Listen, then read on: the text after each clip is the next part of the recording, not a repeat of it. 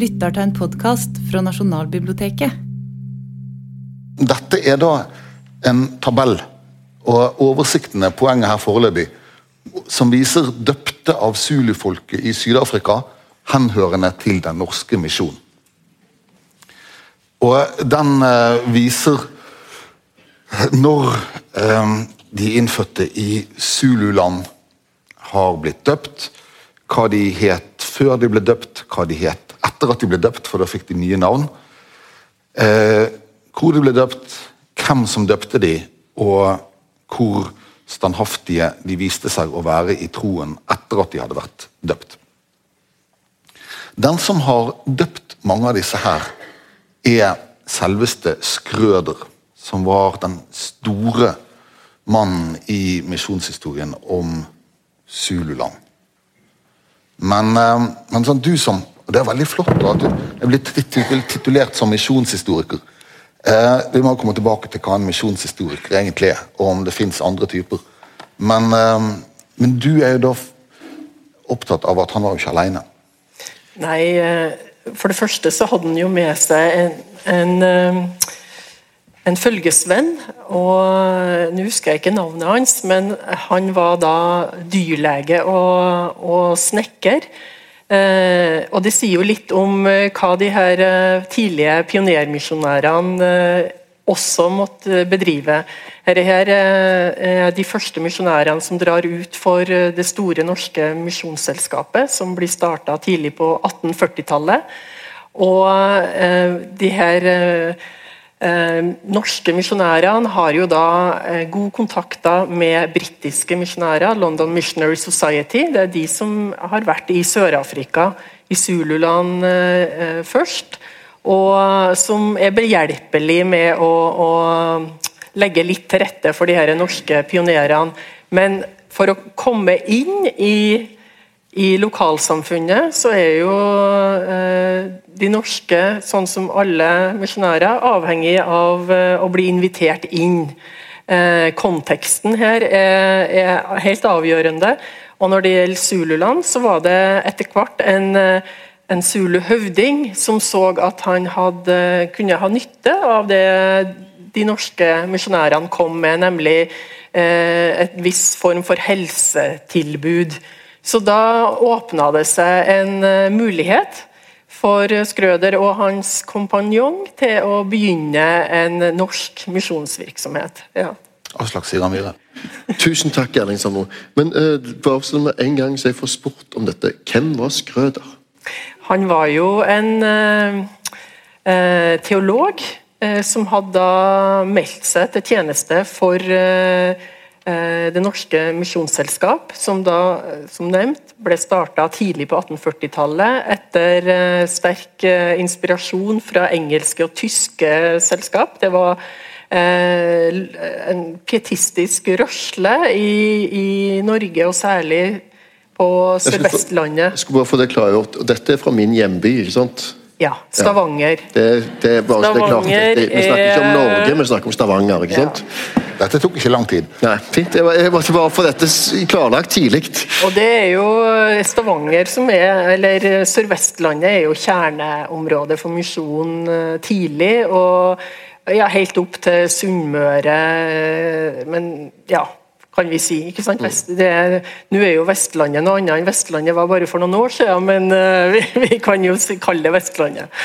Helt klart. Og det er en utrolig altså uh, ja, den kan uh, Schrøder, blir, Skrøder er en veldig spennende person. Det er mange spennende personer i norsk misjonshistorie.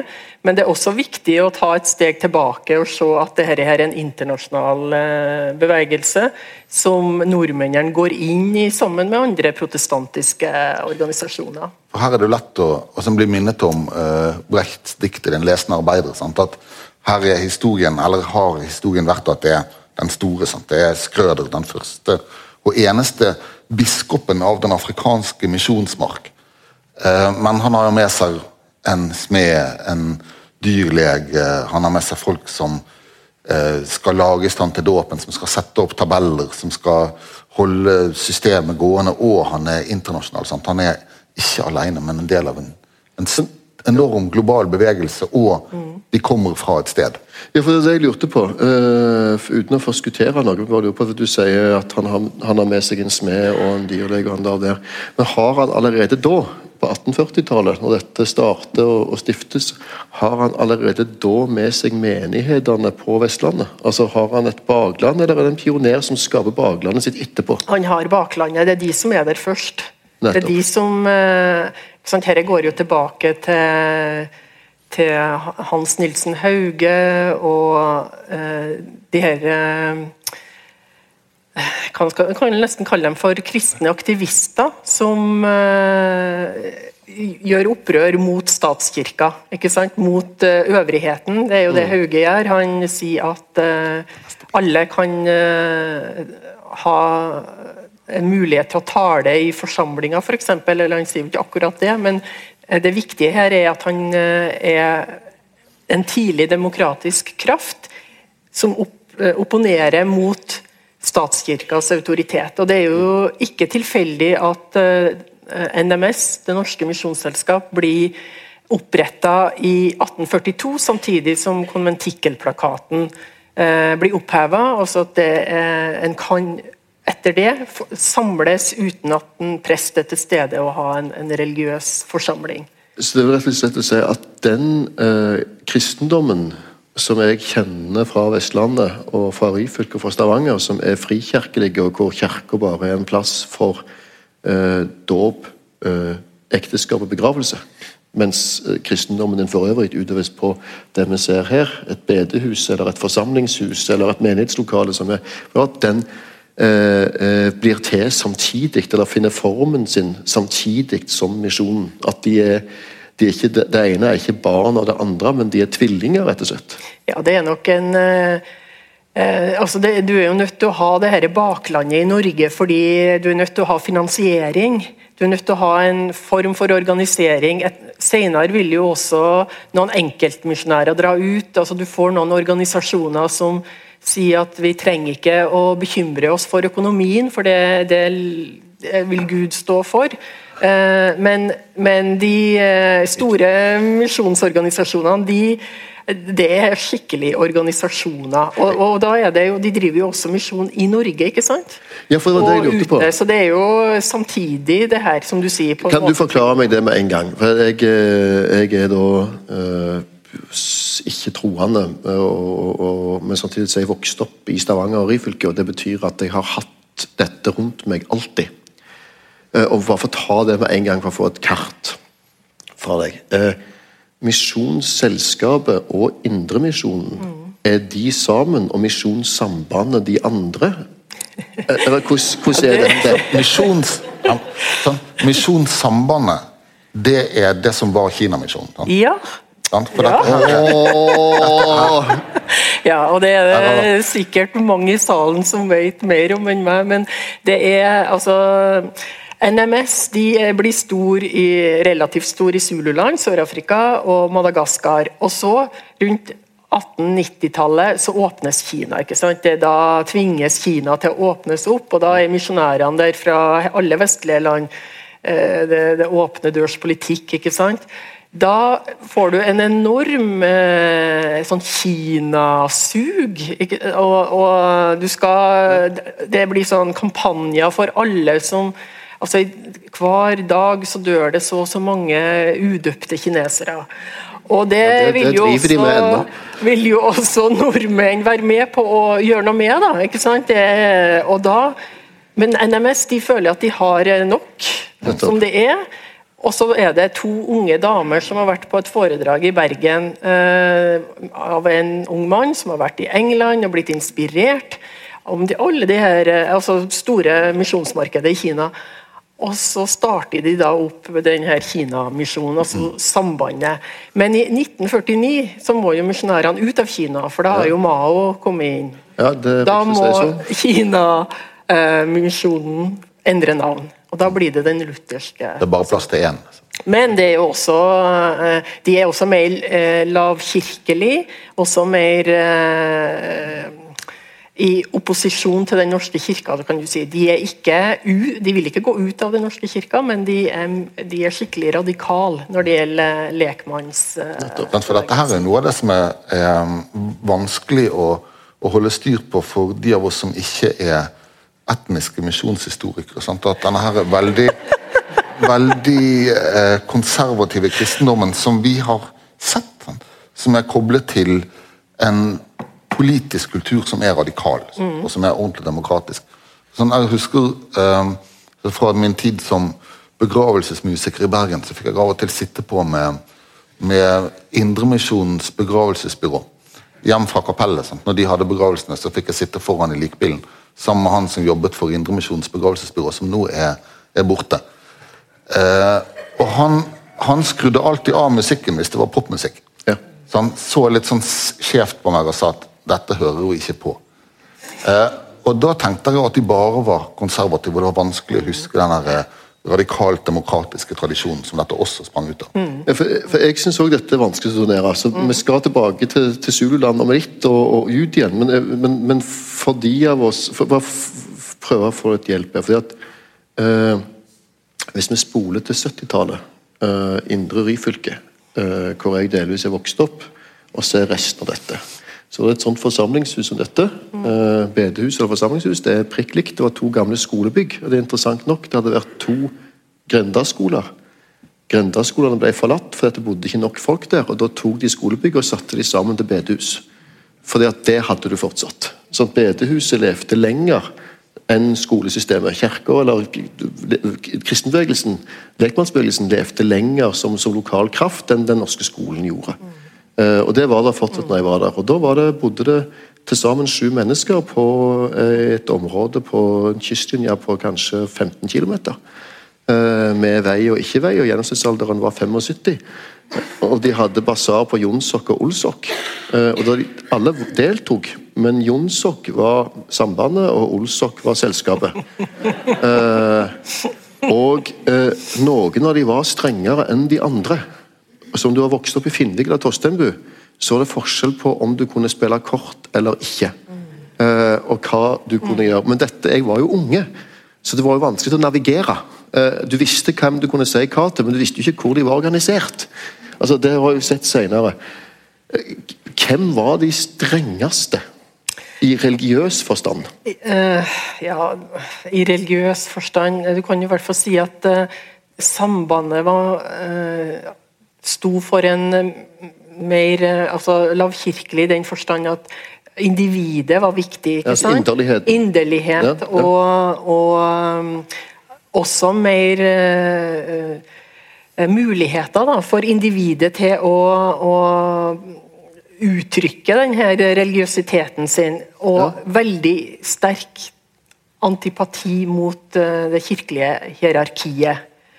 Uh, ja, sånn at, så, så at, Inderligheten er på den ene sida veldig sterkt troende, men samtidig frigjørende i den forstand at du uh, altså Jeg oppfatter inderligheten som, en, som, som, som progressiv i den forstand at du frigjør deg fra hierarkier.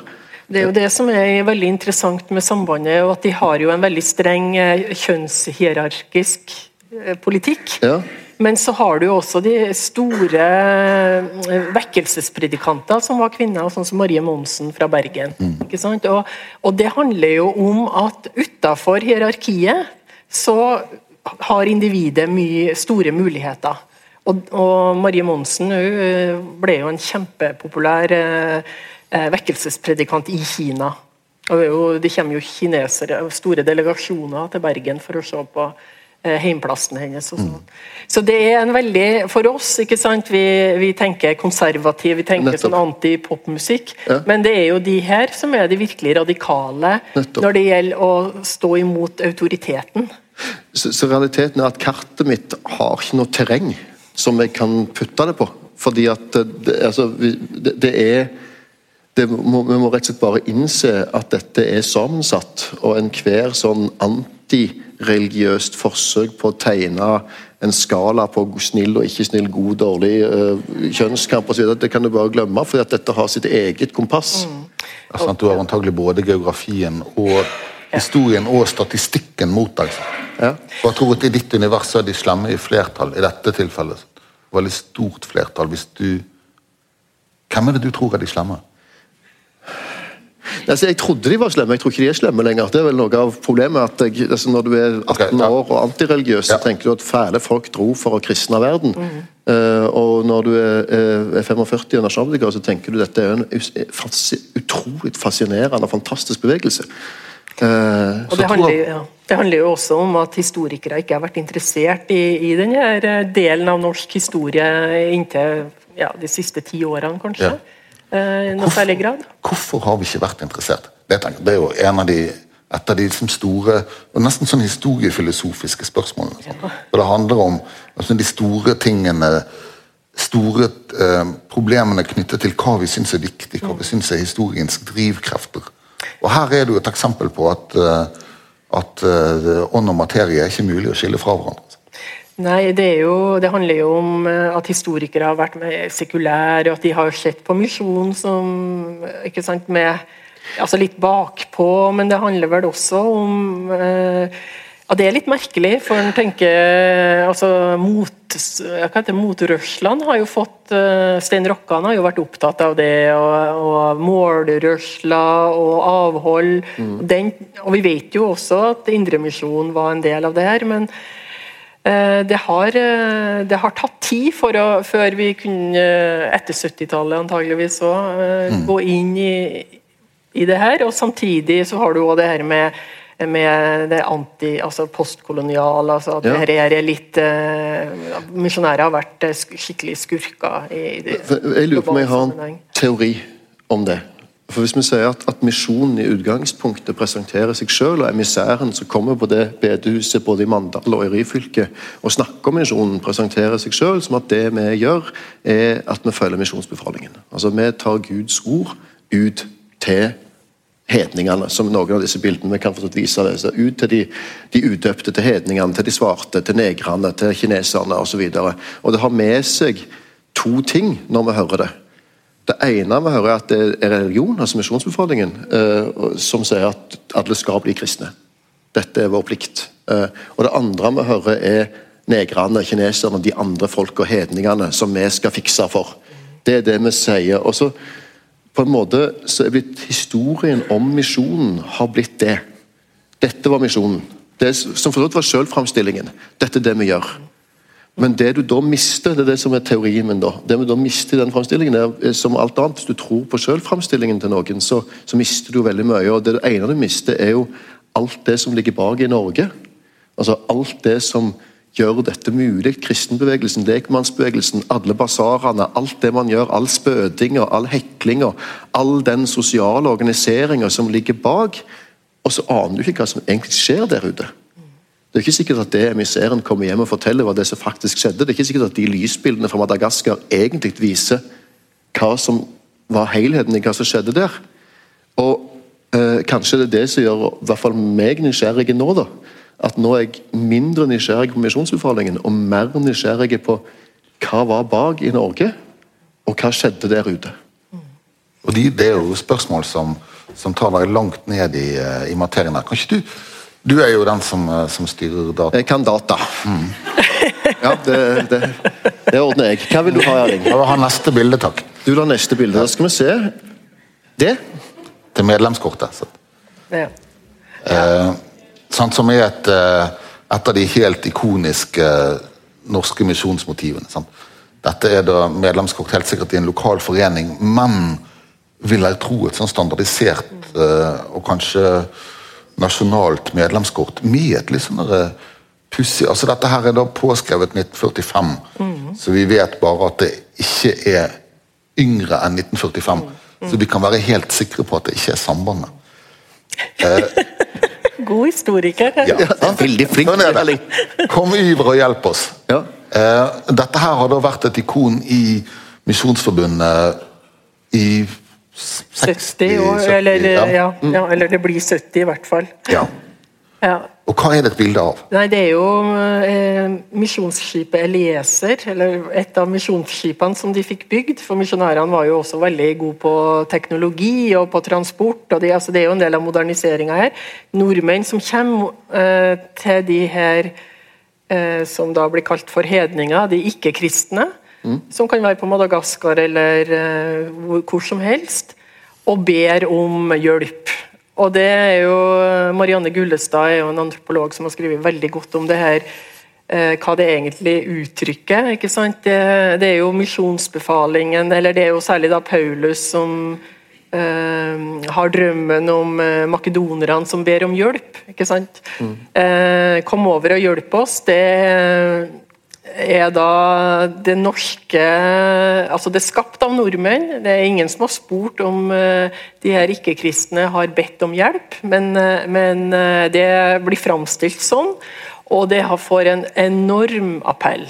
Og Det er klart det er ikke bare i Norge, det her, men i Norge så, så er det utrolig eh, også da veldig, veldig, sterkt. og Vi finner det jo selvfølgelig også igjen i dag i, i bistand. ikke sant, det der, At nordmenn har noe å gi som andre vil ha. Men vi har aldri spurt om de egentlig vil ha det. Jeg vet, Når du viser fram dette, eh, så tenker jeg da på eh, Så ser jeg det, og dette fantes jo i, i oppveksten min, men det som fantes i oppveksten min òg, det var at vi gjennom barnehagen barneskolen, i tillegg til å se lysbilder fra Madagaskar, så lærte vi om FN.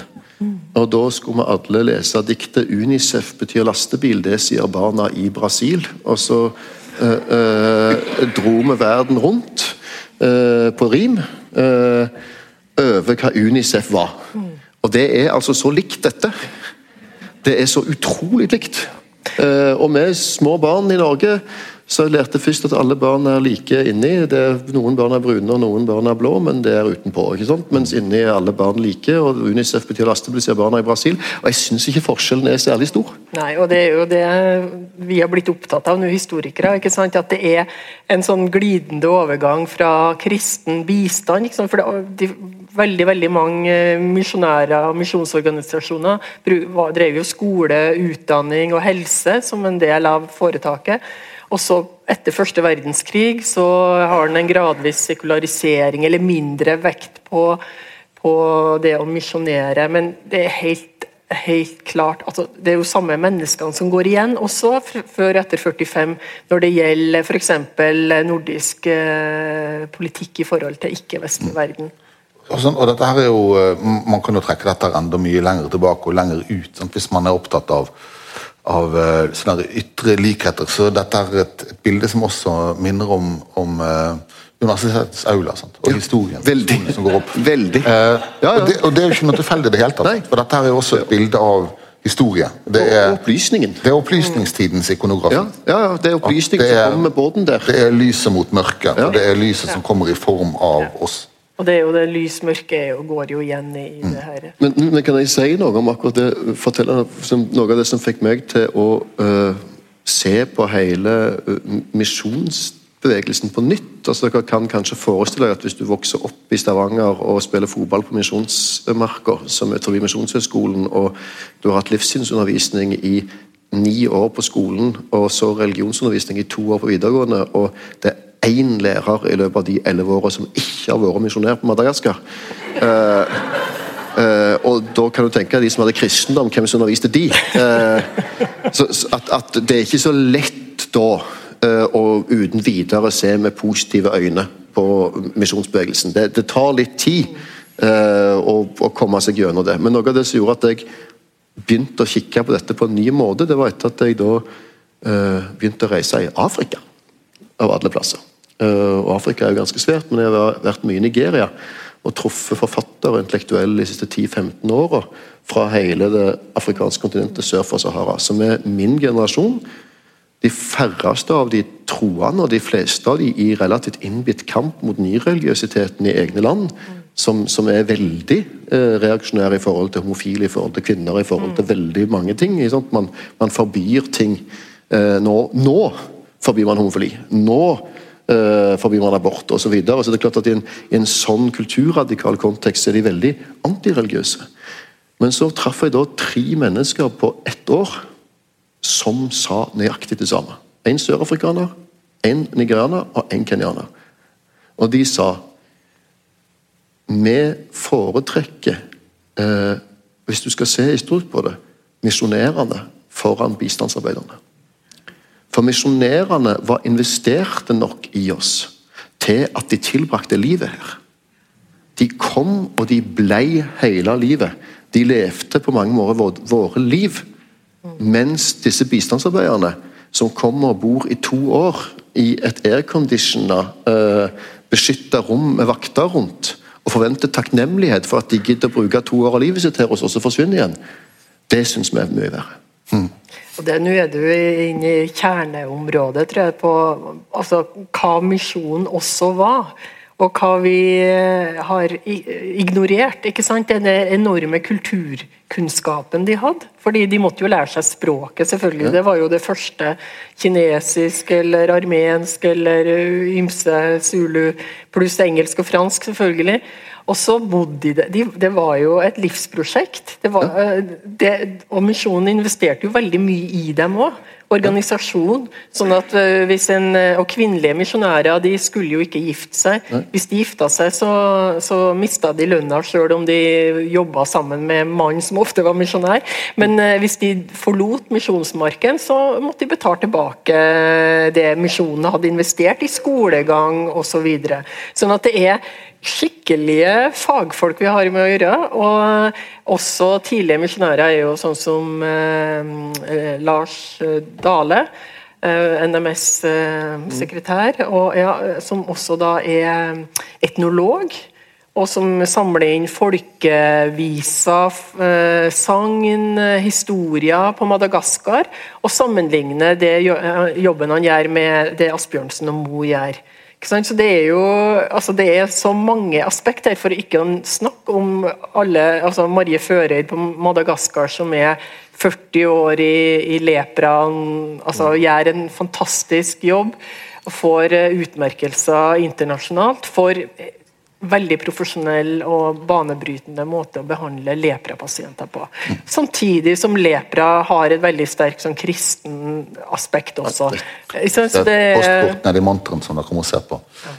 Men, men vi få spørre om det, før jeg spør om Madagaskar. Så må vi spørre, hvem var de? Du, altså, hvem var disse uh, det 20. århundrets misjonærer? Og spesielt hvem var disse damene? Fordi at når, du, når uh, vi snakker om Skrøder og, og, disse mennene, og vi kan se for oss denne mannen med sånn britisk misjonærhjelm som kommer med Guds ord, og som etterpå sikkert har seg med disse damene og det hele tatt. Men, men, men eh, når jeg leste Stavanger Aftenblad i oppveksten og så hvem de var, og fortsatt leser Stavanger Aftenblad, så er det jo damer. Det er veldig mange kvinner mm. som har tilbrakt hele livet der nede uh, i, på misjonsmarka. Mm, hvem, hvem var de? Eh, de var jo for det første ugift, da, for det var jo greit å sende ugifte damer på, ut i verden, men, mens menn måtte være gift. Så det, den var grei. Men, eh, og, de, og de som Holde orden på ting, ja. ja. Og de som eh, en del altså sosial bakgrunn. Mange var diakonisser, lærerinner. Diakonissene i Norge var ofte ikke fra de øvre sosiale sjikt. Det var altså heller en måte for arbeider eller altså Flertallet av nordmenn bodde på landsbygda. Mange kom, kom fra landsbygda og ble utdanna eh, i Oslo, eh, på Diakonisseinstituttet og, og, dro ut sånn som Føreid og hennes kollegaer. Mm. Og eh, Siden kvinner eh, lenge ikke kunne utdanne seg til leger, f.eks., så var jo sykepleie et eh, Det var lærer og sykepleie du kunne bli. Og mange, mange svært begava kvinner ble det. Og så var da misjon en eh, karrierevei, vil jeg si, for eh, mange utrolig eh, dyktige og og ikke minst dedikerte kvinner. Som, altså det, NMS har en fantastisk film fra den store eh, lepra-landsbyen. Altså det, til å begynne med hadde 900 leprapasienter der, og det var vel ned til 700. Var en av de største i verden. Men denne filmen er fra 50-tallet, og da kommer det en liten om det er en liten Fiat eller Morris i rasende fart opp mot misjonsstasjonen, og ut kommer Marie Føreid og ikke sant? Så de her er altså i da diakonisseantrekket sitt, men kjører bil gjør de, og, og står på, organiserer og har eh, altså de har en hel, Det er jo også et aspekt her, at de har en helt annen arena ute kan ha, Ja. enn de har i Norge. Ja, for det var det jeg lurte på. Altså, du- du kan tenke deg at altså, det fins en sånn ting om den ugifte kvinnen eh, på, på begynnelsen av 1900-tallet som blir lærerinne eller noe annet og får en inntekt. og eh, For å trekke en parallell til sist nå, så snakket vi om Kielland, som sier at den eneste måten en kvinne kan bli lykkelig på, er å ikke gifte seg og få sin egen inntekt, og helst forlate Norge. Eh, som er det hans, hans imperativ på 1880-tallet. Og, og ligger det et element òg av alle ting i misjonen at disse kvinnene fikk en selvstendighet og en frihet gjennom uh, misjonen og uh, misjonsgjerningen som de ikke ville fått som koner på bedehuset? Ja, det er jo mange sterke koner på bedehuset, selvfølgelig. Og Gustava Kielland, som var den første kanskje på 1820-tallet til å organisere kvinner, er jo en av dem. Prestefrue. Eh, men eh, det å å være misjonær, da måtte du bli kall, være kallet, ikke sant? Og det er jo det som er det radikale på 1800-tallet, at også kvinner kunne bli, få misjonskallet.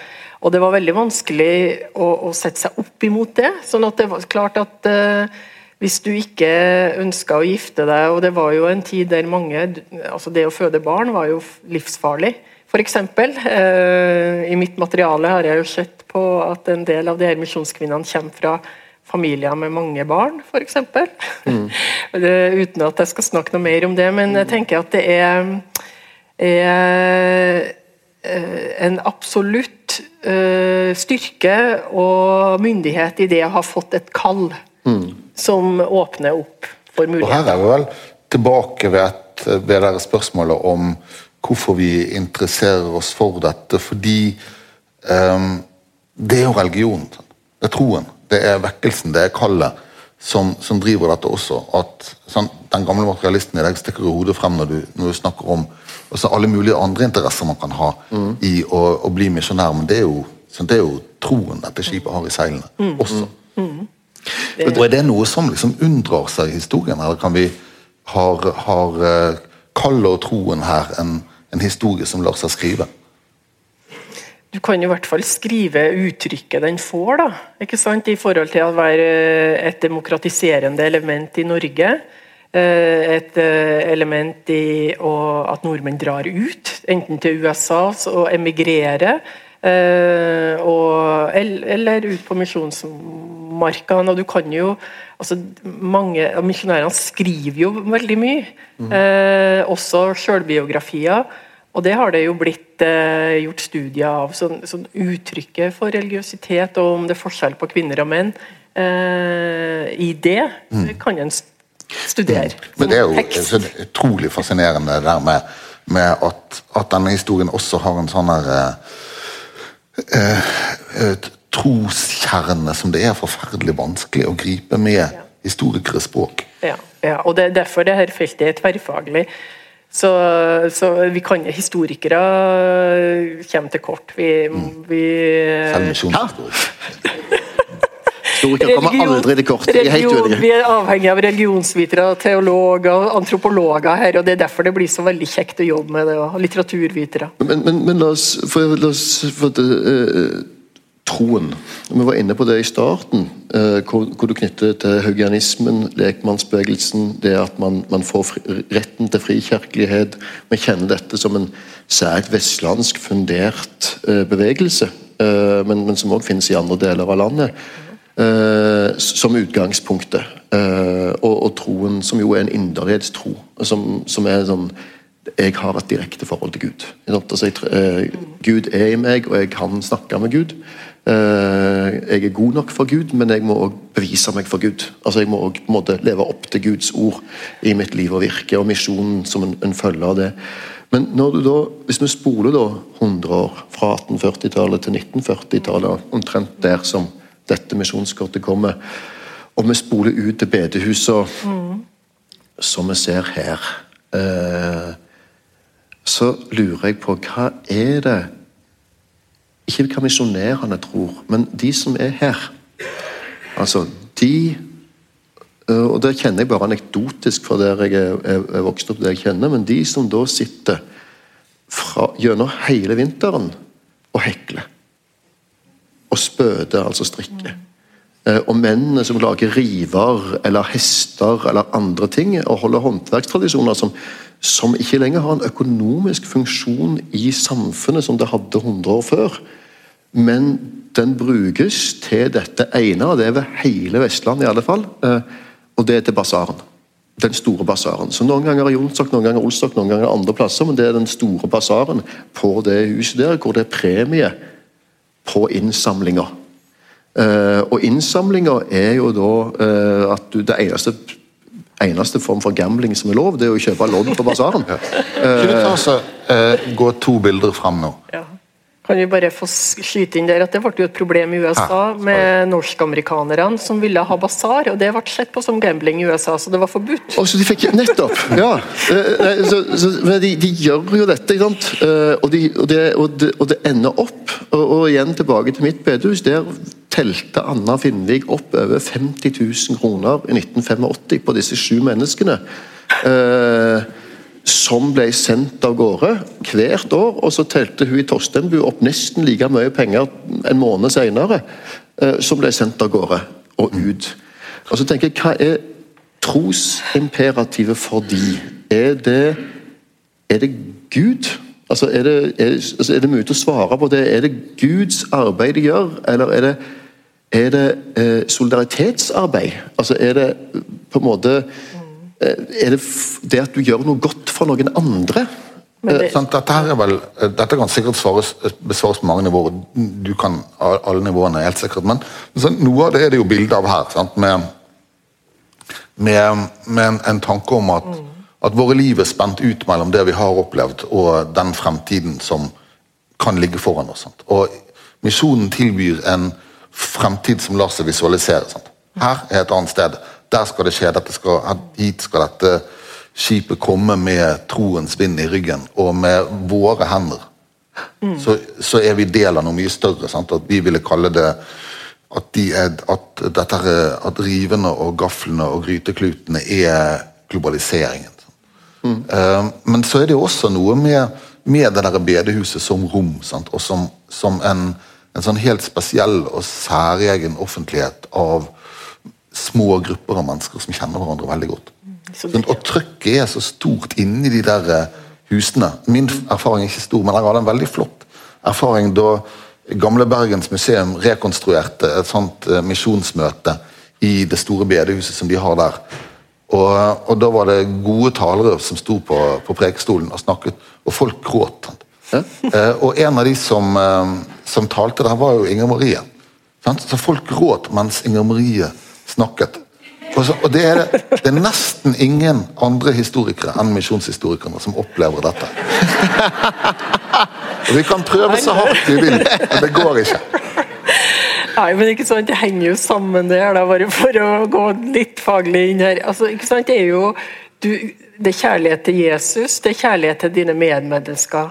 Det trenger ikke å være så enorm vanskelig og stor og inderlig gudstro heller. Det, det ganske, kan være helt enkelt, men det kan jo også være en del De snakker om tre store vekkelser i Norge, og det er ikke bare på Vestlandet. Til og med på 30-tallet var det en enorm, altså stor vekkelse der folk gråt sikkert, og, og, og hadde en inderlig eh, altså, følelse, i hvert fall i store deler av landet. Så det er jo både det her, vi, vi legger kanskje litt for mye vekt på, på de store følelsene, men det er nok også det her fellesskapet. Og, men allikevel det er masse penger det er snakk om. Det er ingen som har forska særlig på misjon og finanser eh, historisk. Og Det interessante er jo at i 1900 så er Norsk Misjonsselskaps eh, inntekter to tredjedeler av dem kommer fra kvinneforeningene. For Norge har jo 5000 kvinneforeninger, som, og våre skandinaviske naboland misunner oss alle de her kvinneforeningene. Og det var kvinneforeninger her inne òg. Og jeg syns det er en sånn hun, disse, disse damene som jeg kjente fra barnsben av, som var søskenbarn til farmor mi, og som jeg var rundt, jeg syns det er noe utrolig fint med det arbeidet du legger ned De hadde ikke vært i Stavanger. De kom til Stavanger første gang når de måtte på Rogaland sykehus. Eh, før det hadde de aldri vært så langt. Uh, Dampbåten kom inn, men de tok han aldri dertil fordi de var ugifte. Mange av de, og det var ikke noen, noen altså, De har reist utrolig lite i forhold til det, det vi regner som vanlig. Utrolig lite. Men samtidig så sitter de og har den Gjør denne innsatsen eh, som enten det er eh, Paulus, eller om det er en form for bistandstanke eller solidaritetstanke. De gjør noe som de tenker har effekt i en del av verden de bare kan forestille seg som nesten et fantasifoster. Mm. Altså, og de er jo en, i, i, sin struktur da også en slags sånn rekonstruksjon av den helt tidlige kirken, med mengden av små mm. menigheter. Sånn. Altså Nå er vel øh, situasjonen en helt annen enn den var, men i dag øh, omtrent i dag så har eh, Misjonskirken, som også da var forbundet, eh, 10 000 medlemmer fordelt på 900 menigheter. Det er små menigheter. Mm. Og det er det største misjonsselskapet ja. i dag. Ja. Men det er jo eh, Altså, det er Det er, det er jo også den her misjons... Uh, uh, altså tidsskriftene de leser, det er mm. misjonærene som mm. kommer på bedehuset, det er filmene som blir vist av de andre. Så de har jo de har jo bildene der, da, og det er jo et veldig klart eh, budskap i denne Det har jo blitt kalt misjonspropaganda. ikke sant, At det er noen som trenger det. Trenger hjelpa di. Trenger at du bruker eggpengene eller eh, det du strikker. Ja fordi det betyr noe. ikke sant? Det jo utrolig, gir jo en utrolig mening i tilværelsen. da. Og, mm. ja. altså, jeg betaler, betaler, fortsatt av lønna mi hver måned til Rødt, jeg. Så jeg forstår, men, forstår det godt. Men så, nå, ikke, nå, blir vi så veldig velvillige også, da. Ja. Eh, sånn, dette kartet her, eh, som da er Sudan, verdens største misjonsfelt, venter på evangeliet. Sant? Her har du fremtiden som kaller i form av av det primitive. Sant? At disse er da ikke bare i hvert fall i den gamle teknologien hedninger, men de er ville, i motsetning til kulturfolks hedninger. Og Grensen for hva som er Sudan, er jo ganske håndfast, håndfast her. Sant? Dette her er gjort rett fram etter nesen. Det er mellom 20. og 5. breddegrad. Der er Sudan. Vest for Nilen. Jeg kjenner mange nigerianere som vil bli veldig irriterte på det kartet der. Ja. Jo, men sant, Dette her er, er det historiske Sudan, mm. sant, som, er, som, er, veldig gammelt, og som da er, er fra arabisk, og som, eh, som, dine venner bare må finne seg i. Men det er håndfast gjort. Ja. Jeg skal hilse på deg og si det. Jo, men sant, Dette her er jo ikke en, eh, en historie her om uh, det er veldig en historie om Norge, men det er også en historie om på dette kartet, den intime forbindelsen mellom misjon og imperialisme. Ja, ja. Dette er misjon med linjal. Og, og islam. Og islam, her, ja, det for dette er jo det islamske beltet. Ja, ja, det er jo virkelig hard kamp. Og, og, og sånn sett, Jeg skulle gjerne skal flytte oss litt nå, for dette er jo et av de områdene hvor misjonen var minst vellykka. Bare så det er sagt. Uh, av flere grunner. Det ene er at islam jo da har hele Sub-Sahara og var langt mer vellykka i innlandet enn en den kristne misjonen var. Langs kysten så er de kristne nå, men misjonærene hadde den ulempa i uh, Guinea-bukta og i områdene hvor det var varmt, at de døde av malaria. Uh, I store mengder. Sånt, uh, som alle andre som prøvde å kolonisere det, så klarte du det, men det var vanskelig å bli der lenge. Men så fantes det områder med litt snillere klima enn Guinea-bukta og Nigeria. Nå skal vi vise en interessant sjanger. Sant? Nå skal vi først vise her Dette er, dette er fra vår samling. Uh, dette, Alt er fra vår samling. Dette er atlas over norske misjoner. Uh, og her er det, og Dette er ikke en kuriositet, det synes jeg er viktig å få fram. Dette er en bruksbok fra 1910. Og Hvis vi blar ei side fram, så skal vi se om jeg klarer å zoome for dere.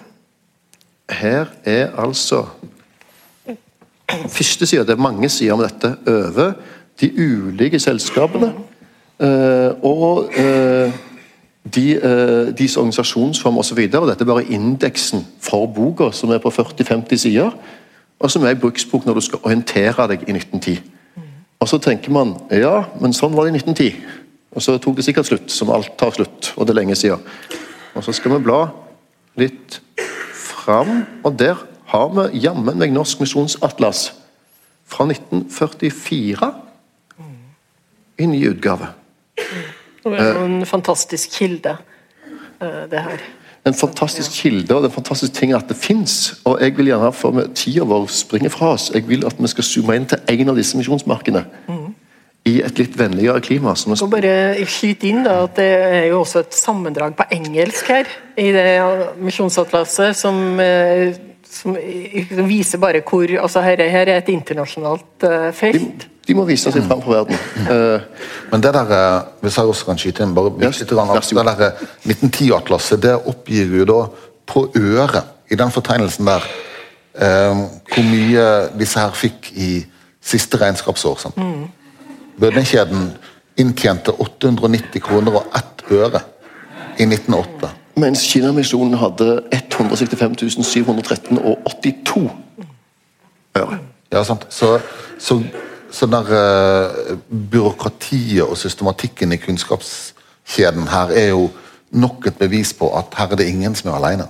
Nei, de er ikke alene, og de er høyst profesjonelle. Profes veldig profesjonelle, veldig organiserte og gode med penger. Det må vi også si. Ja. Ja, så de er igjen den interessante kombinasjonen av, av det tilbakeskuende og det helt, helt moderne. Også i sånn administrativ sammenheng. Men når vi da kommer hertil Dette vil jeg vise.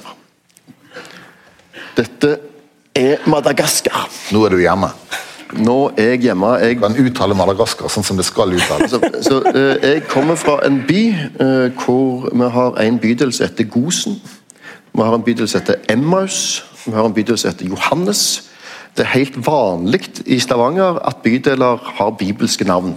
Eh, det tok litt tid før jeg skjønte at Madagaskar ikke var en bydel på Storhaug. Eh, og det er ikke en spøk engang. Det er helt sant. For Madagaskar Madagaskar! Madagaskar! Der, altså, det, av disse livssynslærerne og kristendomslærerne jeg snakket om, så hadde altså sju av ni vært på Madagaskar. Og jeg gikk på skolen på 80-tallet. Eh, Madagaskar var for Stavanger, og jeg vet ikke hvorfor, det skal jeg spørre deg om, men det var det var senteret. Det var ikke Kina, det var ikke eh, Kenya, det var ikke det, det var hertet på Madagaskar. Eh, og det var alt fra at det ble samla inn penger, til at man snakket om det. Jeg har vist litt lysbilder fra Madagaskar fram til jeg var 18-19 år og hadde naturfag på Stavanger katedralskole. Fortsatt en gang i året var det lysbildeshow med en misjonær som var lærer på skolen, som fortalte om misjonen på Madagaskar. Som en del av naturfagsundervisninga. Veldig usikker på hva det hadde med naturfag å gjøre, men, men, men det var autorisert. Eh, at sånn var det der da. Eh, og, og, og det var på en måte til inn... Altså, det, vi, vi var familiære med dette.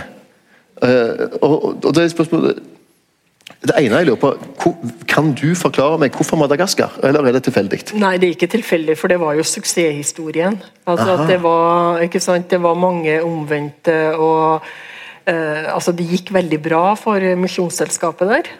Eh, ikke sant, I forhold til Zululand, eh, Ja. selv om de hadde problemer med det franske kolonistyret ikke sant, rundt 1900, så var det jo ekstremt sekulært eh, styre i Frankrike, og de gjorde mye ugagn i forhold til å stenge misjonsskoler og sånn. Men jeg tror før 1900 så det, hadde de 33 000 elever på skole der, ikke sant, NMS. Så det er jo noe, og Pluss de hadde sykehus og de her eh, fantastiske lepra-koloniene sine. Så det var jo Og så har vi jo snakka om hvor uh, mye midler som kom fra bedehusene og til Madagaskar, så det her var jo uh, Det var jo ikke bare du som, som Eller ikke sant, det var en veldig sterk følelse av at uh, Stavanger og omegn hadde virkelig investert i Madagaskar, og det har gått veldig bra. Og det kom jo vek gassiske vekkelsespredikanter til i hvert fall til Stavanger. Ja, de gjorde det! Ja, ja, ja. Jo, og også til Oslo, tror jeg. Ja, Og de de kom som naturvitenskapelige vekkelsespredikanter også. At det er klart at det må jo være en, en eh, dialektikk her også mellom det religiøst fascinerende og den fascinerende naturen. Sant? Så du inngikk jo i, Ja. i denne kunnskapsindustrien om Madagaskar, du også. Du sitter jo og gjør det fremdeles. Og så tenker jeg at Det var sikkert, det er jo et veldig vakkert land, jeg har aldri vært der, men ikke sant? Det, var, det var et godt sted å, for nordmenn å være, Fine strender og klima du kunne overleve. I vinter har de, og, og det er helt sant det du sier, for de første svarte menneskene i Stavanger uh, i moderne tid, altså etter middelalderen, hvor det nok var både var innom både nå og da i, i form av slaver og andre ting, så var det, de var elever på Misjonshøgskolen Ja. eh, fra Madagaskar. Eh, og som gikk på skole der, og det var jo en hendelse, selvsagt, fordi at de var svarte. Men samtidig så var det ikke så mye en hendelse, for det var jo naturlig at, at madagaskarene eh, nå sjøl skulle springe ordet videre. Sånn at det sto i en kontekst som gjorde For det var ikke en som kom utenfra De kom utenfra og innenfra, på en måte. De var jo en av oss, i den forstand at de, de, de skulle bli misjonærer. Og det er klart, det var, De hadde jo også skoler på Madagaskar da, Ja. for, eh, for prester. og det er jo det her er jo stadie, altså, hva er det, internasjonalisering. Tidlig internasjonalisering, studieutveksling, som er en del av vår eh, forhistorie som vi ikke tenker på. Men det er jo også bringer jo oss inn på et problematisk område, det her med gasserans eh, eh, selvstyre innenfor den lutherske kirka på Madagaskar, som ikke var så enkel for nordmenn ikke ville gi, gi rom for gassisk selvstyre. Så det er hele tida det denne dobbeltheten da i ja. Ja, for, for, det, for det har jo en annen, Nå snakker jeg nesten som jeg er nyforelska i misjonen, men, men det er jo en annen side av dette òg, eh, antar jeg, eh, som fortsatt er kolonial ja. eh, på et eller annet nivå. På et eller annet nivå, men samtidig så, ikke sant, så, så er det altså det er jo, Du har jo da gassere som kommer og, og snakker på bedehusene for nordmenn. så så jeg tenker at det, det gjør jo noe med, med norsk oppfatning av de andre. Så Dette her er jo eh, igjen det der historiefilosofiske aspektet. er det ikke det, sant? Dette her sender du ut eh, skipene fra opplysningene, så kommer de dit, og de kommer til et område som i utgangspunktet da er historisk tilbakeliggende. Sant?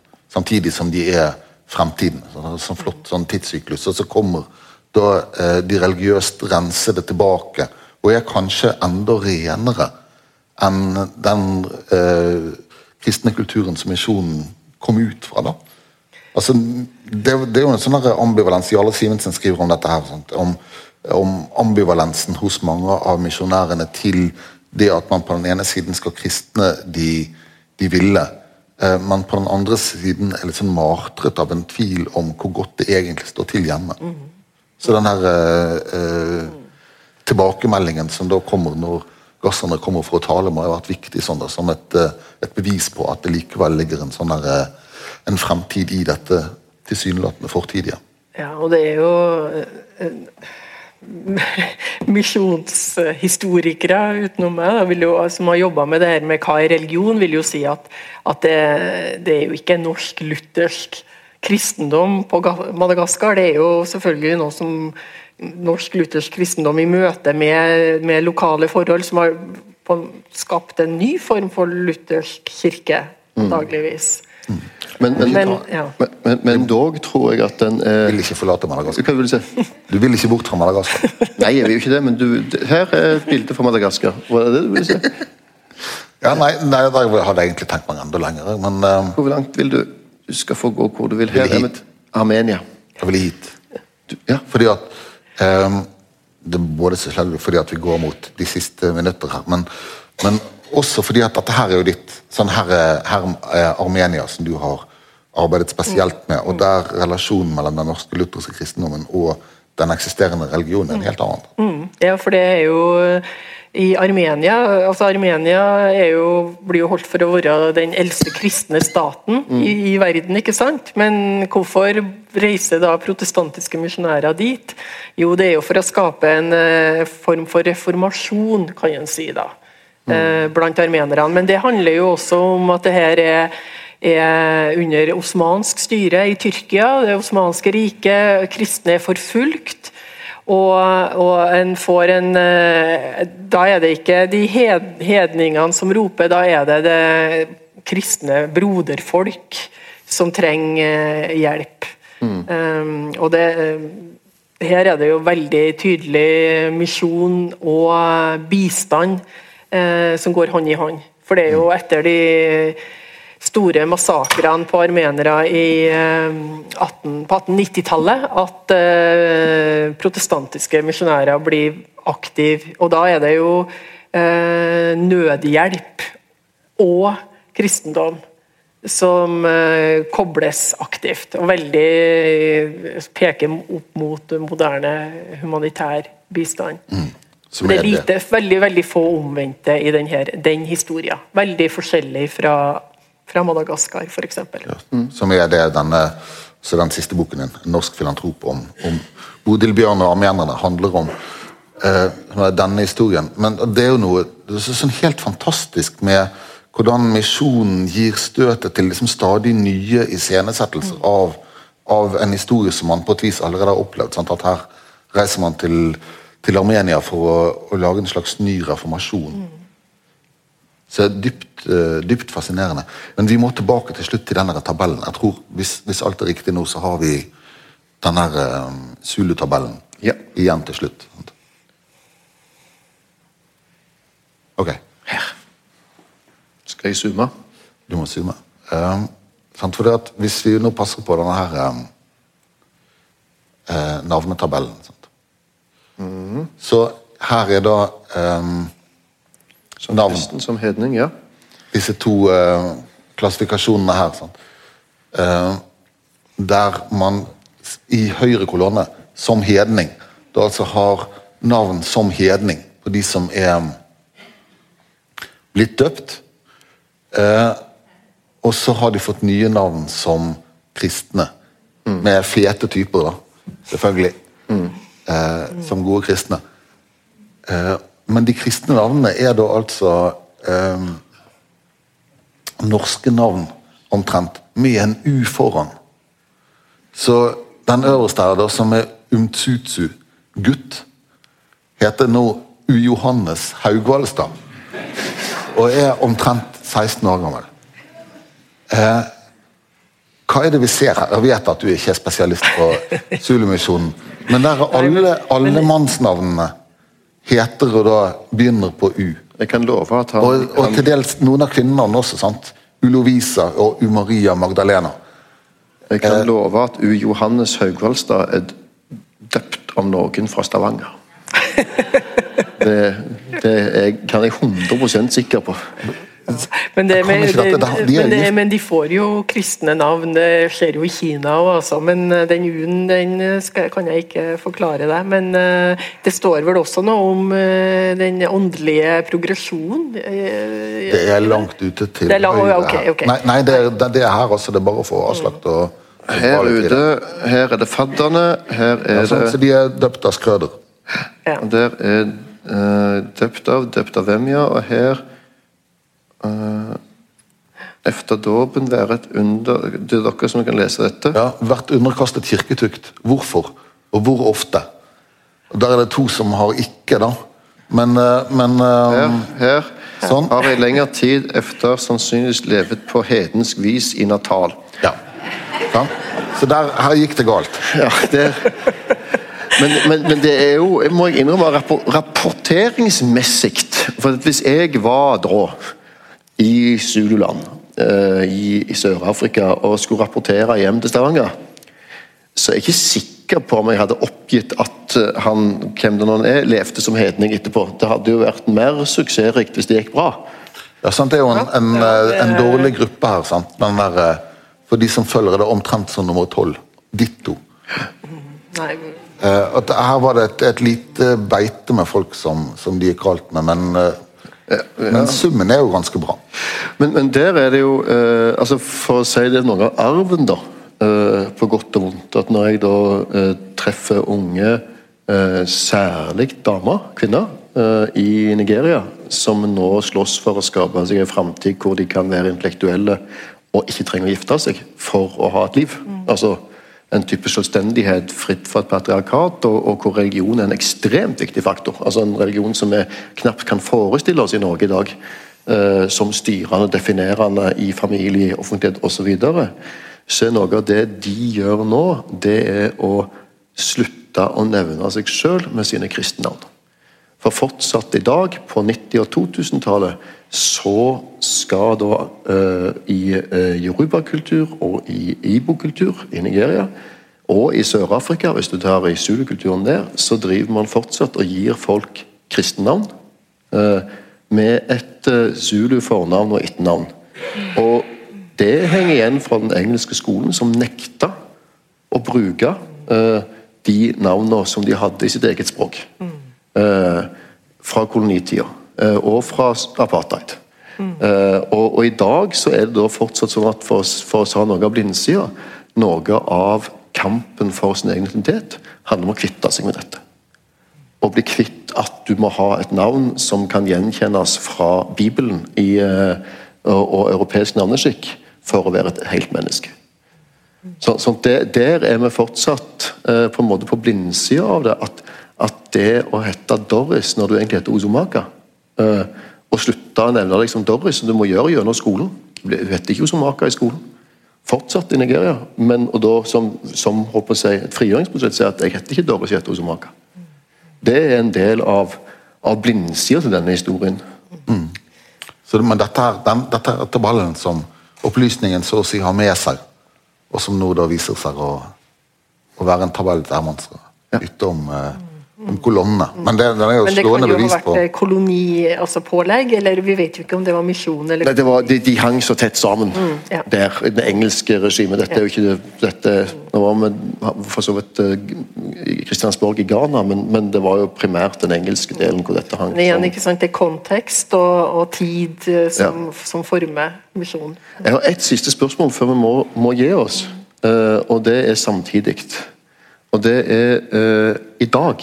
For nå snakker vi jo om noe som, som vi startet i 1842 eller 1840, og, og, og skriver oss fram til i dag.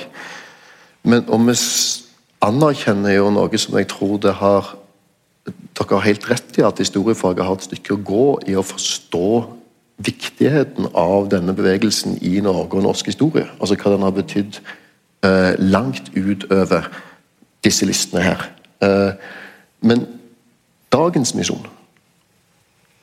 Uh, Fins det en norsk misjonsbevegelse nå?